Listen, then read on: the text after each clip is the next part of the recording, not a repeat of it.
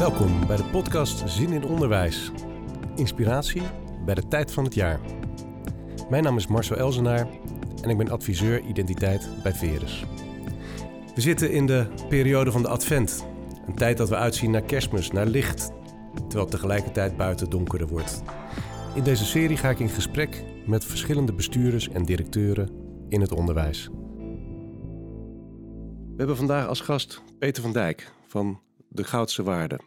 Peter, jij bent bestuurder en verantwoordelijk voor een aantal scholen. Kun je iets vertellen over uh, jouw dagelijkse werkzaamheden?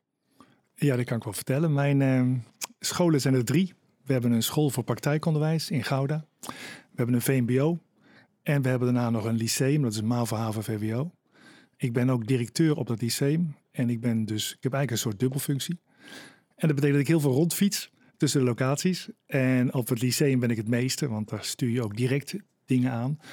En dat vind ik een hele leuke combinatie, want ik sta tussen de kinderen, ik sta tussen de leraren en ik ben ook met strategische keuzes in Gouda bezig. Ja, ik zie daar heel regelmatig uh, dingen van langskomen, ook op uh, LinkedIn. Je laat ook zien hoe, hoe trots je bent op jouw school. Wat maakt dat jij trots bent op de Goudse waarde? Ja, dat is wel leuk. Um, ik ben hier gekomen omdat mijn man heeft hier vroeg gewerkt. En die zei, Peter, als je ooit nog de kans krijgt op de Goudse Waarde te gaan werken, moet je dat doen. Dat is een heel bijzondere sfeer. Dus uh, toen een paar jaar geleden een advertentie kwam, toen kwam die aanloop, kijk Peter, hier, alsjeblieft, doen. En dat deed ik. Um, en het hangt in, er hangt een heel bijzondere sfeer onder de collega's allereerst. Uh, mensen zijn zeer loyaal, heel betrokken, willen echt met elkaar er iets van maken. En dat is iets, vind iets bijzonders. Ik heb heel veel scholen gewerkt, maar dit is iets unieks. En dat zie je ook terug hoe mensen met kinderen bezig zijn. Mensen gaan, doen alles. Willen zich echt inspannen voor kinderen. Zorgen dat kinderen een hele veilige thuishaven hebben. En soms gaan er dingen natuurlijk mis. Dat hoort bij iedere school. Maar er is altijd de, de betrokkenheid en we gaan er iets van maken. Ja, dus daar, uh, daar staan allemaal mensen die zich inzetten. Ja. En, en professionals. ja, en het bijzondere vind ik ook, um, is we hebben natuurlijk alle niveaus in huis. Van praktijkonderwijs tot en met uh, ja, VWO, gymnasium, uh, tweetalig zelfs. Dat is een hele rijkdom. Want dan heb je een diversiteit. En, en de kunst is nu om te zorgen dat we dat ook echt, echt benutten. Dat kinderen ook van elkaar leren. En er gebeuren soms hele mooie dingen hoor. Die kinderen van het lyceum die doen dan vrijdagsmiddags allerlei praktijk op de VMBO. Dus het is heel even een, een nieuwe wereld ook. En dan gaan ze allerlei dingen als koken, houtbewerking, stukken. En ze hebben daar hun, vaak hun uh, tentamens. En dan zie je leuk naar die school zoeken, zie ik dan die, die, die kinderen uit het VWO aan het eind van de dag eh, basketballen met de kinderen van VMBO. En dan denk ik, oké, dit, dit, dit, willen we hebben. Dat kinderen elkaar gaan opzoeken en want samen bij de wereld. Ja. Is dat een beweging die jij ook hebt ingezet? Want eh, ik kan me voorstellen dat scholen ook ja, een eigen populatie hebben, een eigen sfeer. En uh, dat ze deel uitmaken van een beetje het gesegregeerde landschap in het onderwijs, wat we toch ook wel vaak zien. Ja, het was, um, in Gouda was het heel sterk van probeer uh, de scholen gescheiden te houden, dat je niet uh, leidt onder elkaars imago. Maar ja, dat is natuurlijk nou, dat is iets jammers. Uh, het is juist een hele mooie kans. We zijn de enige school in Gouda die dat heel breed aanbiedt en die ook voor iedereen toegankelijk is. Nou, dan moet je een meerwaarde van maken.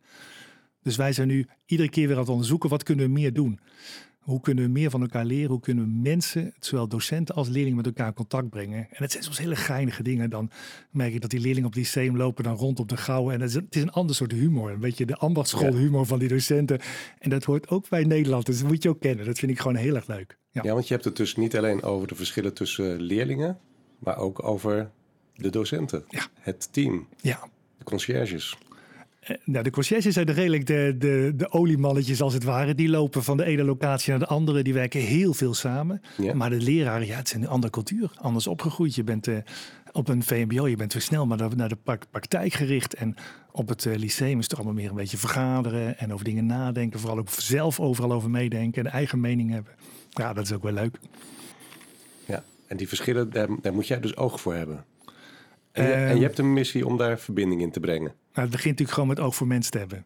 Uh, school is een wereld van mensen. Mensen die allemaal um, soms ploeteren om overeind te blijven en soms weer prachtige dingen neerzetten. En ik vind de kunst, en dat is dan mijn werk, dat niet alleen ik, maar vooral alle afdelingsleiders, iedereen die er bezig is, oog heeft voor, voor elkaar.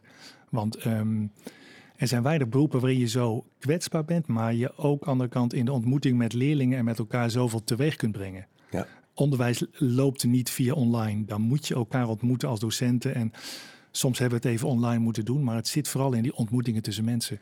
Dus daar moet je echt aandacht aan geven en zorgen dat iedereen zich op zijn gemak voelt, zowel leerlingen als leraren. Ja, eigenlijk uh, kun je zeggen dat onderwijs wat elke dag weer gegeven wordt, dat is eigenlijk ook een wonder. Wat er allemaal gebeurt in de interactie tussen leerlingen, tussen docenten en leerlingen, tussen docenten uh, onder elkaar. En dat dat een, nou ja, een beweging op gang brengt waarin de, de jongeren leren om hun plek te vinden in deze wereld. Ja, het is, het is natuurlijk een wereld van mensen. Het gaat allemaal om mensen. En dat betekent er moet medemenselijkheid heersen. En dat begint met veiligheid. Hoe zorg je dat ieder kind zich gezien voelt, ieder kind zich veilig voelt, ieder kind weet ik tel, ik hoor erbij en ik mag mijn mening geven. Nou, dat begint en dat is, een, dat is geen trucje, dat is een mindset. Dat betekent een manier hoe je in het leven staat. En hoe, dat kan ik alleen maar doen door voor te leven. Hoe ga ik met mijn collega's om. Ja. Peter, ik kwam ergens tegen dat jullie ook bezig zijn met een nieuw gebouw. En dan kan ik me voorstellen dat het bouwen van een, uh, van, van een schoolgebouw ook altijd weer sporen van deze tijd draagt. Dat je ook, waar je net over vertelde, al die leerlingen die elkaar ontmoeten in hun verschillen, dat dat ook in zo'n gebouw tot uitdrukking komt. Kun je daar iets over vertellen? Ja, dit uh, gebouw moet staan waar de goudse waarde voor staat. Uh, onze eerste kernwaarde is iedereen telt, iedereen hoort erbij en iedereen mag zichzelf zijn. En dat wil ik dat het in het gebouw zichtbaar is. En toen hebben de architect er ook de opdracht toegegeven en die heeft iets heel moois gemaakt. Het begint al met de entree moet voorstellen, dat een grote trap. En nou, je weet hoe het is, dan in de zon gaat iedereen daar lekker in het zonnetje zitten. Die zit ook heerlijk op het zuiden. Dus ik wacht met een beetje lekker weer dat het daar lekker druk is. En in die trap gaat het dwars doorheen een soort hellingbaan. Waarbij je als een met een rolstoel om, omhoog kunt lopen. En dan ga je echt van de ene kant naar de andere kant en weer terug. En het voordeel is dat je op die, die manier ook gewoon kunt stilstaan.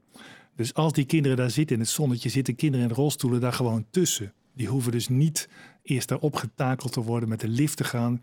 Alle ruimtes in het gebouw zijn voor kinderen met een rolstoel toegankelijk. En dat is vrij uniek.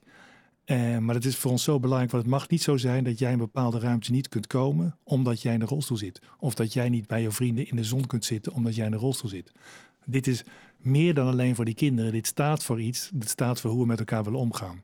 En ja, dat, daar ben ik dan trots op als we dat voor elkaar krijgen. Ja, maar dat, uh, als dat uh, op, door dat gebouw heen zit en wat je ook vertelde ook in de mensen zit, dan bouw je daarmee ook aan een samenleving die meer inclusief is. Dat is natuurlijk zo. Als we, bij ons op onze open dag komen mensen binnen. Het eerste waar ze tegenaan botsen is het steentje van de Gay Straight Alliance. Of de Gender Sexuality Alliance, zoals tegenwoordig heet. Ik vertel die kinderen ook, jullie staan hier niet alleen voor jezelf. Jullie staan hier ook om de school te laten zien aan de ouders en de leerlingen die bezoeken. Iedereen is hier welkom. En um, jullie staan dus, dus en voor jezelf en omdat je meer uitdraagt. Wauw. Dan komt er ook veel op jou neer. Uh, terwijl tegelijkertijd het belangrijk is dat iedereen het zelf doet natuurlijk. Ja. Maar geïnspireerd zijn is daarbij een belangrijke factor. Zowel om het uit te houden als het niet zo makkelijk gaat, als ook om richting te vinden waar het wel om gaat. Waardoor ben jij geïnspireerd? Ja, um, mensen. Mensen. mensen. in mijn leven. Ik heb op bepaalde mensen, eh, momenten prachtige mensen ontmoet. Um, soms in heel andere landen, soms dichtbij. Mensen die je even een spiegel voorhouden, die je zien even laten struikelen. Of mensen die je toch weer inspireren tot iets nieuws. Um, en het geloof voor mij is daar ook belangrijk in. Geloof, ik weet je, de Bijbel is een boek uh, van en over mensen. En het gaat over medemenselijkheid. Dus um, ja, dat zijn voor mij wel inspiratiebronnen. En ik heb heel veel geleerd van. Ik heb de, het, het, voorrecht gehad dat ik interessante mensen om me heen heb gehad. Die mij soms, uh, nou ja, inderdaad even een spiegel voor hielden. Ja, het heel mooi dat je inderdaad die verschillende beelden gebruikt. Iemand kan jou inspireren door je een spiegel voor te houden, je, jezelf te laten zien op een andere manier. Maar je noemde ook het laten struikelen. Ja, ik, ik heb ooit was op een school gewerkt waar ik verschrikkelijk ruzie met de schoolleiding kreeg. En ik was woest en dan ga je nadenken over waarom ben ik zo kwaad en hoe kan ik die woede omzetten in iets. En toen ben ik voor een non-profit organisatie in tijd gaan werken. Want ik dacht, ik wil er iets mee. Wat, hier zie, wat ik hier zie, daar wil ik de wereld verbeteren. Nou, dat is dan leuk. En dan zie je weer nieuwe talenten van jezelf. En je ziet ook, je hebt oog voor wat er gaande is in de maatschappij. Ja. ja, dus laten struikelen, even ergens een stokje doorsteken. Dat herken ik als adviseur ook wel. Soms komen wij ook op scholen en dan uh, vragen ze je om mee te denken ergens over. En ze hebben al een idee. En dan zeg je soms, nou, zou ik niet doen. En dan gaan ze nog een keer nadenken. En dan zien ze soms opeens van, oh ja, we zijn eigenlijk aan het doen wat we altijd doen. En meer van hetzelfde werkt niet. Ja, ja, ja. ja. En dat, uh... Nou, bij mij werkt altijd, ik vertel als ik ergens nieuw kom werken, ik zeg, um, ik heb mensen om me heen nodig die ze nu zeggen stop. Of Peter, dit is onzin. En die niet uh, te veel mee, meepraten. Uh, en dat betekent om ze ook laten struikelen of echt gewoon even een, een blok voor je neus houden. ja. ja, dat is nodig soms. Ja. ja. Hey, de, de kunst van het, van het geïnspireerd blijven betekent ook dat je gaat kijken. Toen jij hier binnenkwam, ging je onmiddellijk, liep je naar de dingen die aan de muur hingen om te kijken. Hoe inspireert beeldende kunst jou? Ja, ongelooflijk. Uh, in de lockdown-tijd heb ik ontdekt dat je kunt. Je hebt allerlei veilingen van prachtige kunst. Nou, dat geeft ook weer mee gestopt. Nee, kunst is heel mooi. Je, ik ben heel visueel ingezet, stelt. En dat betekent dat ik alles om me heen zie en wat er gebeurt. Ik zie, ik zie ook graag in mensen wat er gebeurt. Ik moet altijd oogcontact met mensen hebben. Maar ook uh, kunst. Um, kunst doet je op een andere manier naar dingen kijken. Kunst uh, zet je op, het, op een ander been. Kunst kan je verrassen, maar kan je ook voor de gek houden. Uh, het is soms schoon, maar het is soms ook iets dat je zegt van dit is verschrikkelijk, maar het raakt me. Nou, dat vind ik interessant. Waarom word ik geraakt door iets? Waarom is er een kunstwerk waar ik continu naar terug blijf kijken?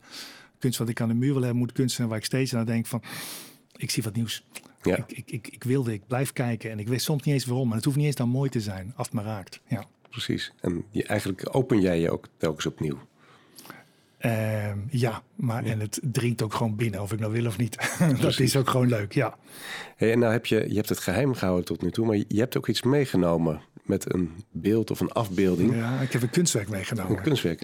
Zullen we eens naar kijken? Ja. Wauw. Dat is verrassend. Wil je dat ik het beschrijf of ga jij hem beschrijven eerst? Ik zal beschrijven wat ik zie. Ja. Ik zie een uh, schildersdoek een, uh, met daarop een stukje Lego, een strip.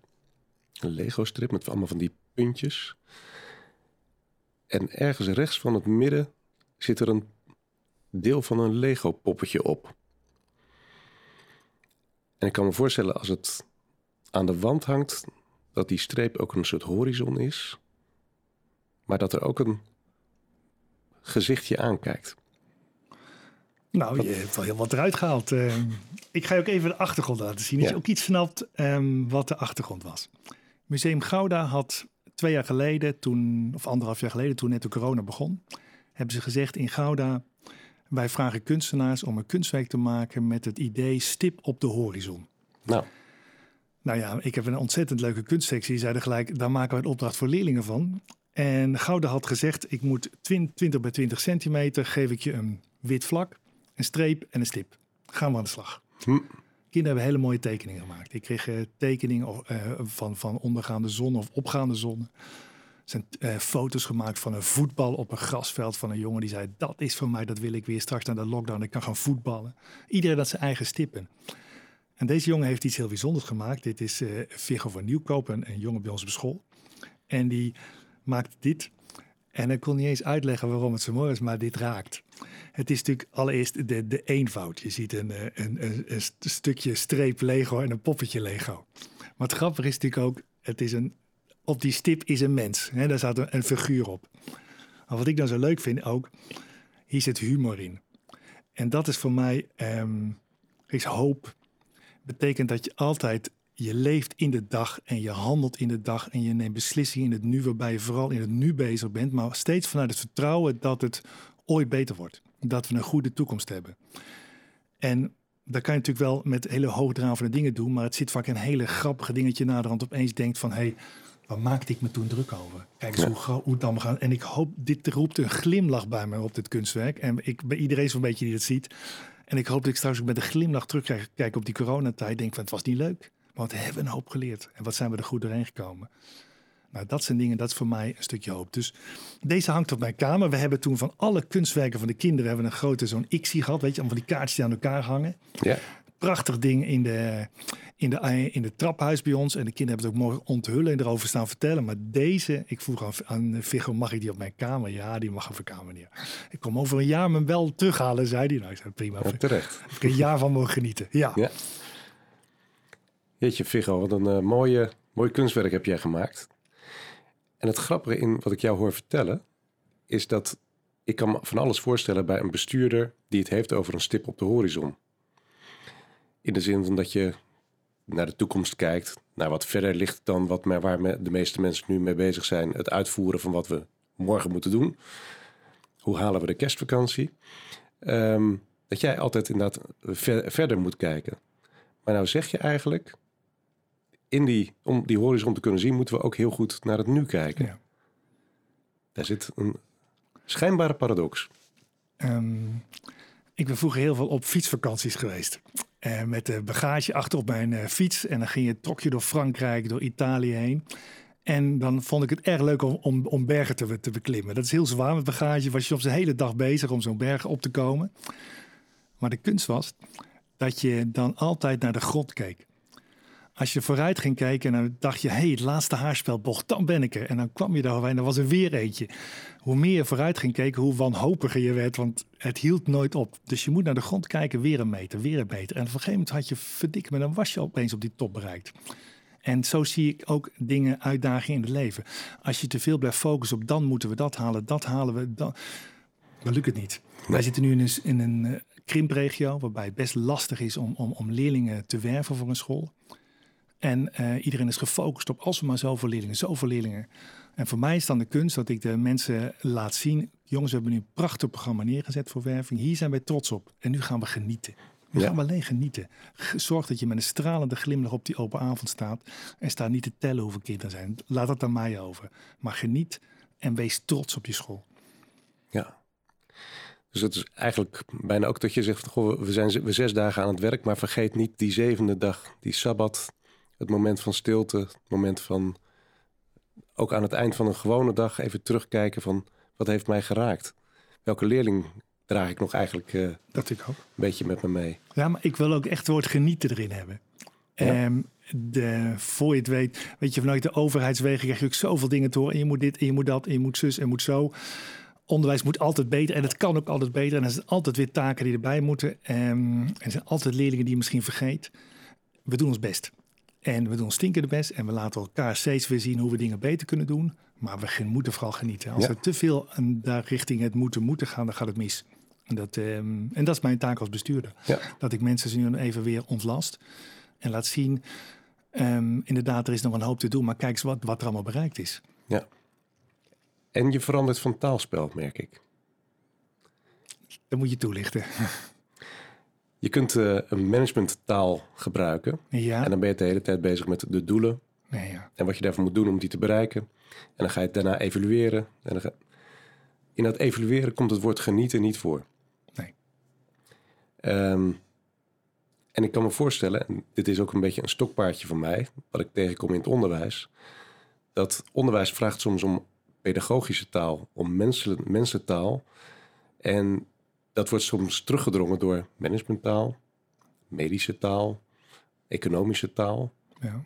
En, uh, dus ik vind het mooi om te horen hoe jij ook andere taal inbrengt. Nou, dat is ook wel grappig. Um, als ik ergens kom werken, vertel ik altijd aan mensen: ik heb helemaal niks met smart werken. Dan moet ik nooit te hard tegen Raad van Toezicht en zo zeggen, want die willen het allemaal duidelijk graag over overzicht tabellen. Maar smart werken is, is, is de dood in de pot. De kunst is mensen in beweging te krijgen. En als je dan het vertrouwen in hebt, en dat, dat, en dat voor mij staat het als, als klip en klaar boven water. Mensen willen de goede kant uit bewegen. En als je mensen in beweging krijgt en de ruimte geeft en, en, en ze inspireert en ze faciliteert daarbij, dan gaan ze vanzelf de goede kant uit. En dan hoef je ook niet mensen achter de broek te jagen of te zeggen op dat moment moeten we daar zijn. Alsjeblieft, geef mensen daar de ruimte toe om het op hun eigen tempo te doen. Maar blijf ze inspireren en blijf ze faciliteren. Ja. Ik moet ook denken aan uh, dat citaat van uh, Woody Allen over hoop. Um, de mensheid bevindt zich vandaag meer dan ooit tevoren op een kruispunt in de geschiedenis. De, de ene weg die we kunnen inslaan leidt tot totale wanhoop, de andere tot totale vernietiging. Laten we hopen dat we de wijsheid hebben om de juiste, juiste keuze te maken.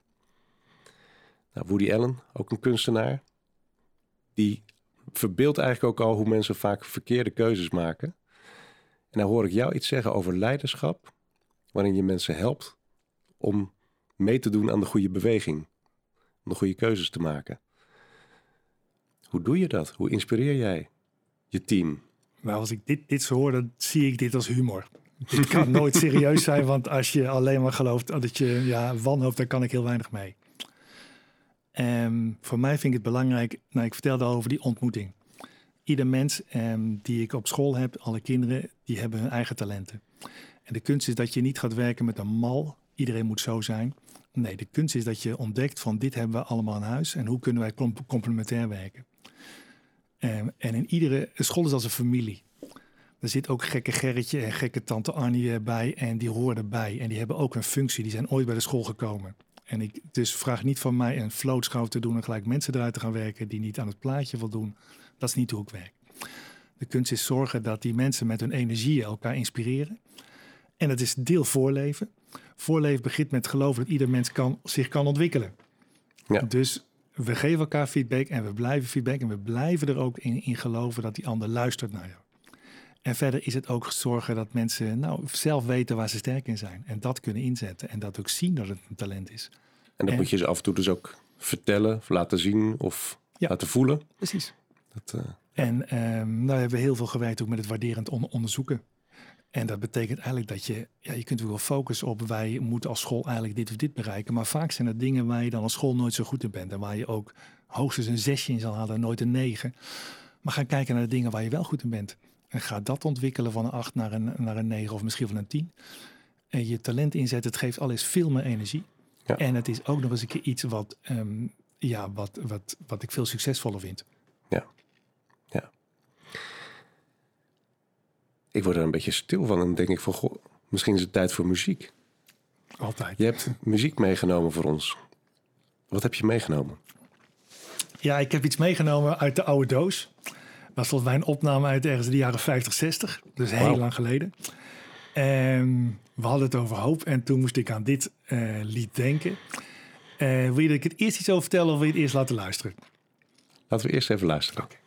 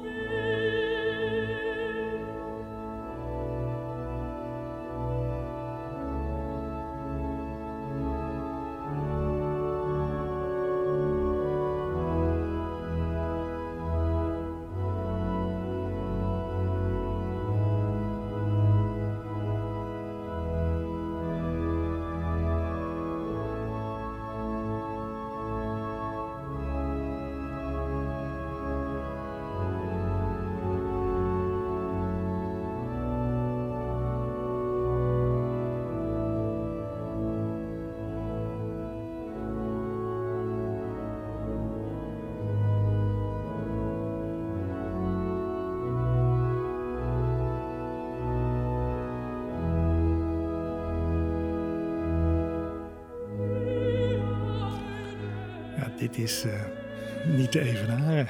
dit is uh, Aafje Heines. Uh, ergens in de jaren 50 heeft ze dit gezongen. Um, bij ons thuis werden niet veel klassieke muziekplaten gedraaid. Sowieso niet zoveel muziek. Maar mijn vader had een paar platen van Aafje Heines.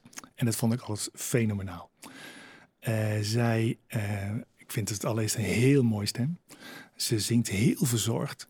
Maar verder ook, ze noemt zichzelf altijd een soort priesteres. Ze zegt, ik sta daar niet om diva te zijn. Ik sta er om een boodschap door te geven. En je voelt wat zij zingt, dat komt rechtstreeks uit haar hart.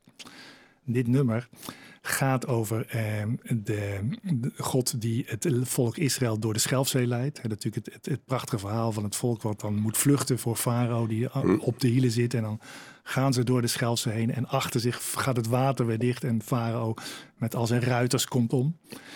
En zij heeft dit voor het eerst gezongen in 1945 net na de bevrijding. Oh ja. In ehm, haar dorp waar ze woonde was het één groot feest op straat. En iemand zei, daar woont dat meisje, dat heeft zangles. En de andere zegt, ik kan wel een piano op straat halen. Dus toen hebben ze dat gedaan en toen ging ze dit zingen. En dit is voor mij het, het mooie nummer van, dit gaat over hoop. Uh, ik weet niet eens zo goed waarom het me raakt. Ik vind het gewoon gruwelijk mooi allereerst. Maar of het nou het, het precies het verhaal is of dat hoe zij het zingt. Uh, het doet je ook beseffen, vind ik altijd wel dat, um, nou ja, we, we, hebben het goed. Ja. Um, we hebben thuis, bij ons, wij zijn nu een vluchtelingenhuis. Ze zijn ooit een keer benaderd door uh, de kerk of wij mensen ook in huis wilden nemen. Het zijn mensen die um, in eerste instantie afgewezen zijn. En dan hebben ze geen recht om op, in een AZC te wonen. Ja. Dus die komen dan op straat. En uh, de kerk heeft dan een, een, een, huis waar mensen kunnen terecht kunnen. En, maar ja, mensen komen in golven soms met elkaar en dan weer even niet. Dus op een gegeven moment werd benaderd of ook mensen konden krijgen. En nou, dat werd toen ook gedaan. En dat is heel boeiend. Het is, het is sowieso heel indringend. Hè. Dat is ook een vorm van een, iemand een spiegelverhaal. Want mensen hebben heel heftige levens soms. Dan realiseer je dat het niet vanzelfsprekend is dat je hier rustig zit terwijl je familie, omdat jij hier zit, misschien bedreigd wordt. En, nou, en honger en alles. Maar een um, van die jongens die, uh, die is naderhand bij ons teruggekomen. Die woont nu ook bij ons. Die heeft inmiddels een status. Maar dat is een vrij een jonge kerel die, die heeft wat begeleiding nodig. Ja. Die is deel geworden van jullie gezin? Eigenlijk wel. Dat was niet de bedoeling waar hij kwam. En op een gegeven moment had hij opgeschreven... ik wil graag in Utrecht geplaatst worden... want daar wonen mijn pleegouders. Dus nou ja, dat, die is bij ons gekomen. En toen ik dit laatst met hem draaide... nou, hij, hij schoot vol. En dan zie je dat zo'n lied ook weer heel andere mensen weer heel erg inspireert. En voor mij is dit, dit een mooie nummer van hoop. Wauw. Je zegt daarmee eigenlijk ook iets wat jij van thuis hebt meegekregen. Wat weer refereert aan een oud Bijbels verhaal. Dat iemand belichaamd heeft door het te, te zingen. Ja. Dat werkt door. Dat werkt door. En het is natuurlijk, ja, en hoe zij het ziet, vind ik ook erg mooi. Ja, ja. ja, ja. Nou kan ik me voorstellen dat je ook al jouw docenten kunt zien als mensen die elke dag aan het zingen zijn. Ze zingen oude liederen, oude, ze vertellen oude verhalen, ze belichamen iets van wat we doorgeven aan waarde. En uh, dat is natuurlijk wel een hele mooie manier om naar mensen te kijken. En ook te realiseren, hey, nou, dat vraagt ook onderhoud.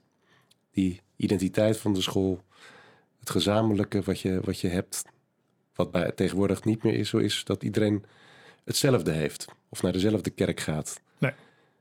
Doe jij daar iets aan hoe je met identiteit verzorgt dat mensen ja, bezield kunnen blijven werken en hun verhalen door blijven vertellen? Nou, we zijn begonnen dit schooljaar om gezamenlijk te zingen. Met alle docenten op het schoolplein. Keurig anderhalve meter afstand. Nou, we zongen allemaal. Meerstemmig.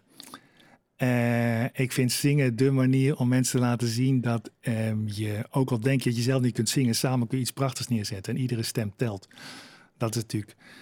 En ja, hoe doe je. Um, wij hebben op een gegeven moment zijn we bezig geweest onze christelijke identiteit. Wat betekent dat in deze tijd? Um, op sommige scholen is het merendeel van de leerlingen moslim. Hoe geef je dan gestalte aan een christelijke identiteit? En voor ons is het ontmoetingsleren staat daar centraal. Ja. Besef dat je een mens aan de overkant hebt die, die zijn eigen waarden normen heeft. En de kunst is die echt helemaal te doorgronden. En als je die goed snapt, dan leer je allereerst heel veel over jezelf. Uh, ieder gesprek houdt jezelf weer een spiegel voor. En um, ja, ik heb sowieso het gevoel dat de wereld daar een beetje beter van wordt. Maar het is zo leerzaam van kinderen om zich echt te verdiepen in een ander. En dan kan je bijvoorbeeld, zoals met die kunstwerken waar ik vertelde, Um, hou, ga eens met elkaar kijken waarom raakt zo'n kunstwerk jou en waarom het niet. En, en, en wat is voor jou een teken van hoop? Nou, daar kinderen met elkaar over in gesprek brengen. En dat doen we met docenten ook. Dat is voor mij een christelijke identiteit. Ja. En daar komt natuurlijk ook de Bijbel bij, bij, bij, op tafel, maar ook andere bronnen. En er wordt soms ook uit de Koran voorgelezen of uit heel andere verhalen. Als de ontmoeting daarom vraagt ja. om dat in te brengen. We ja. gaan nu met kerst iets doen over storytelling. Dat uh, kinderen persoonlijke verhalen gaan vertellen over een kerst die ze geraakt heeft. Nou, waarom dan? En, en, en dat soort dingen. Dat is natuurlijk prachtig. En dan, dan is het hoe diverser je dan als school bent, hoe meer kleurrijk je bent, hoe boeiender die verhalen worden, hoe meer je er ook van gaat leren. Ja. Ik vind dat een heel mooi, eh, eh, mooi verhaal om ook mee te eindigen. Eigenlijk ook de aanmoediging van goh. Vertel niet alleen verhalen tegen leerlingen, maar luister ook naar hun verhalen. Kerst is misschien wel het luisterfeest bij uitstek. Tijd voor verhalen, tijd voor hoop, tijd om te voelen dat je het met elkaar ook een stap verder komt. Dankjewel Peter. Is er nog iets wat je als laatste nu denkt van dat moet ik toch nog even gezegd hebben? Ehm, ik denk dat je al hele mooie eindwoorden gezegd hebt, eh, Marcel. Dus laten we daarbij houden. Ja. Oké, okay. dankjewel en een hele mooie advent. Dank je. Dit was het gesprek met Peter van Dijk. Het volgende gesprek zal zijn met Joni Krijt van MBO Utrecht. Tot de volgende keer.